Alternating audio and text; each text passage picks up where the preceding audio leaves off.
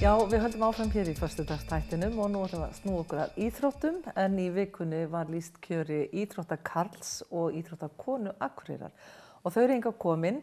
Uh, Viktor til hamingju, Viktor fyrir. og uh, já, þú varst nú ekki kjörinn en, en dóttir Já. Bryndís og til hamingju Takk með hana. Takk fyrir það. Hvernig var þetta, uh, hvernig tilfinning er það að standa þarna uppi og fá þennan heiður og titil?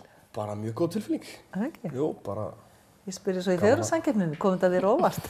uh, ég veit það ekki, ég var hérna, það var alveg fyrra líka og ég svo sem, svo sem var ekkert mikið að fylgjast með hvað aðri voru að gera en það gekk allavega vel hjá mér á síðast ári, þannig að Já. ég svo sem komur ekkert mikið á óvart. Nei, förum mjög að segja það. Þú ert í kraftliftingum Já, og er langt síðan að þú ákvaðist að fara í þær? ég kefti, kefti fyrst skiptið ég var 15 ára, Já. ég er 24 ára á þessu ári, þannig að það er komin næstu 10 ár Já. Að svona æfa sinni á 13 ára, þannig er Og alltaf kraftliftingarnar. Já, alltaf eitthvað, að lifta eitthvað og Já. hvað sem að kraftlendingar eða einhverja styrtaræðingar eða eitthvað svona. Mm Hvað er það sem er heillandi við það? Uh, þetta er bara svona, þetta er rosa, rosa bein íþrótt, þú bara, bara tekur út það sem þú hefur lagt inn Já. og auðvelt æfa svona á eigin fórsöndum bara, hvað sem sé fyrst bara einhver líksærtastöð eða núna einhverjar annar staðar. Já, já. Þetta er glæsilegur árangur. Bryndís þín er einhver stað langt í burtu. Já, Hvar er hún? Stundar náma á Hawaii, University of Hawaii. Já, Hún fór þangað núna í haust. já. Hún er sundkona. Hún er sundkona, búin að vera það síðan hún var fimm ára. Hvað er þetta að segja? Byrjaði hérna í æfingum hjá Dillu og Karen. Og þá var erfiðast að ná henni á botninum. Nú Segja það? þær, já, já, hann vildum bara vera í kafi. Já. Að, En hvað kom til? Af hverju fór hún í sundið? af hverju fór hún í sundið? Já, sennilega því ég var í verkmyndaskólanum á þessum tíma og Karen Málkvist var að kenna mér ennsku. Mm. Og hún sagði að þetta var upplökt fyrir bönni mín og þannig að ég held að þetta er Karen bara að þakka líka. Já. Skemmtilegt, já. Við höfum enga tengingu við sundið sem slíkt. Nei. Nei.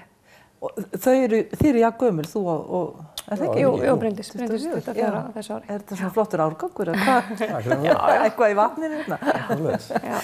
En þú segir að hún er út á Hawaii já, og uh, hvernig fer það fram? Er það vegna þess að hvað henni hefur gengið vel hér á Íslandi? Er- já, já, það er sérsagt eins og við búum nú vel hérna á Akureyri með fjölda íþrótta og aðstöðu og annað, Já. að þá bara þegar að svona langt er komið, þá verður við að líta í kringum þau og, og hérna sjá hvað aðrir hafa upp á að bjóða. Hvenar tók hún þá ákvörðum? Hvað er langt síðan það var? Það var eh, 2010. Já. Þá ákvað Bryndís eftir eitt og hálft ári í mentaskólanum að hérna, flytti sér til Bergen í Noregi. Við höfum hérna, haft sundþjálfara hérna á Akureyri, hann að Sillu, Já. sem að hérna, flytti sér til Bergen og hafði búið Bryndís að koma í æfingabúðir og sjá hvað Bergen hefði upp á bjóða.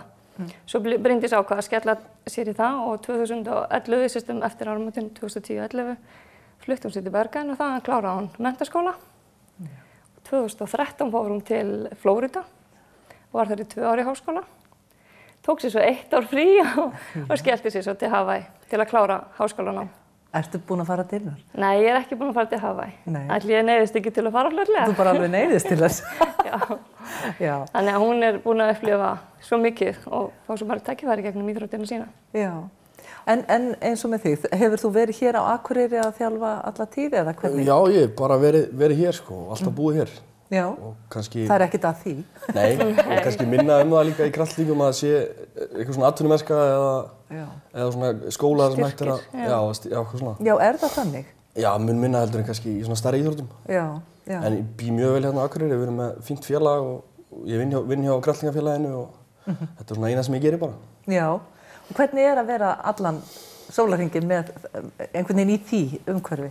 Bara ógislega gaman. Já, Gaman hérna einhvern veginn bara gera það sem ég langaði að gera síðan ég var krakki sko. Já. Og Þú bara stendur alltaf forréttindi að, að fá að gera það. Já. Og stendur alltaf á þetta? Þetta var það sem Já, ég er svona, ég einhvern veginn, ég blómstar alltaf einhverju svona, einhverju styrtaræðingum og einhverju svona púli frekar en því þess að ég var í handbólta og svona, það var kannski var ég meira, það er meira gaman að því heldur en kannski handbóltaæðingunni sjálfum. Mm.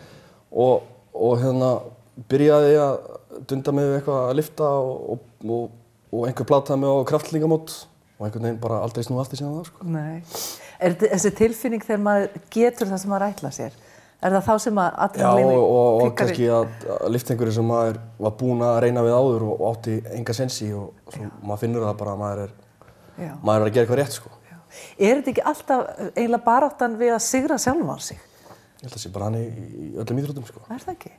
Það er einhvern veginn öðruvísi, þarf maður að hafa önnur element í sér eða eitthvað annað þegar maður er í svona einstaklingsgreinum heldur en í hópíþrótt. Hver, hver er munurinn? Þekkið þið það? Sé ekki bara að ábyrginn lendir alltaf þér, þú getur ekki kent neinum örum um eða eða það gengur illa sko. Já. Já, Já, já. það er það. En þá hlýtur að vera hinn hliðin á þeim peningi að það er hægt að tala sér niður líka rætt ef að illa gengur. Þarf maður ekki að hafa stert net í kringu sig? Algjörlega. Og bara, Æfingafélagarnir skipta líka já, tölverðu máli. þjálfarar og fólki sem er í kringum hann sko. Já, já. Og fóruldrar eru glæð. Já, Já. Svona eftir, fram eftir aldrei, sko. Já. já, ég held að það sé ekki spurning. Nei. En svona sem fyrirmyndir, nú er þið, já, eh, þið bæði náttúrulega mikla fyrirmyndir fyrir ungt fólk hérna á Akureyri. Hvernig, hvernig er að hafa það hlutverk? það er bara gaman sko. Já, já. Og hérna, kannski, kannski finn ég kannski endilega mikið, mikið fyrir því sko. En heldur þessi ekki margi strákar og Já, strákar sem alveg, horfa alveg til þín? öruglega sko. Fólk Já. sem maður kannski hittir, sem maður aldrei hitt áður, sem veit hvað maður hittir og, og eitthvað svona. Svona ekkert ónýtt að heita þessu nafni að heita Viktor sem því sigurvegari. Nei, Það getur ekki verið slæmt. já, það er ekki. En hvað segir eins og hvernig sérðu hennar framtíð f- svona næstu árin? Já, Bryndís hún á eftir sem sagt tvö ári viðbútið við þetta þennan vetur í á Hawaii og ég vona að hún klári námið sitt og hérna þá er hún orðin 25 ára, 5-6 ára gömul þegar hún er búin með það. En 2020 er ólimpíuleikar aftur. Já. þannig að hún er ekki búin að koma sér á ólimpíuleika en hann langaði svolítið í sumar og það gekk ekki alveg þó hún hafi staðið sér gríðarlega vel. En þá er ólimpíuleika samt ekkert eina málið, það er náttúrulega bara eitt skref í einu og standa sig og vera að halda sig frískum og, og hérna.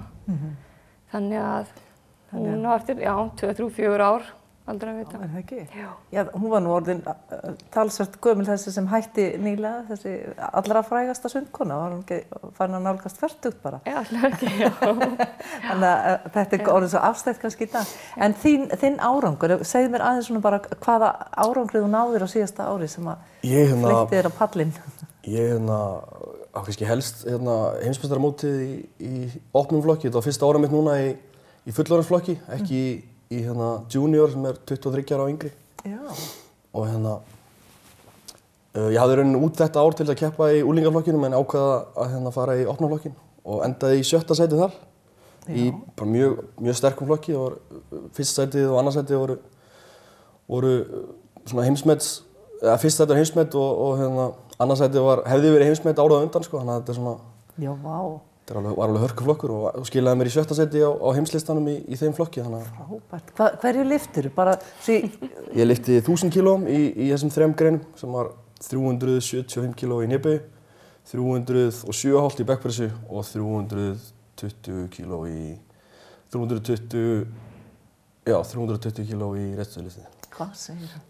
Einu tonni í dag.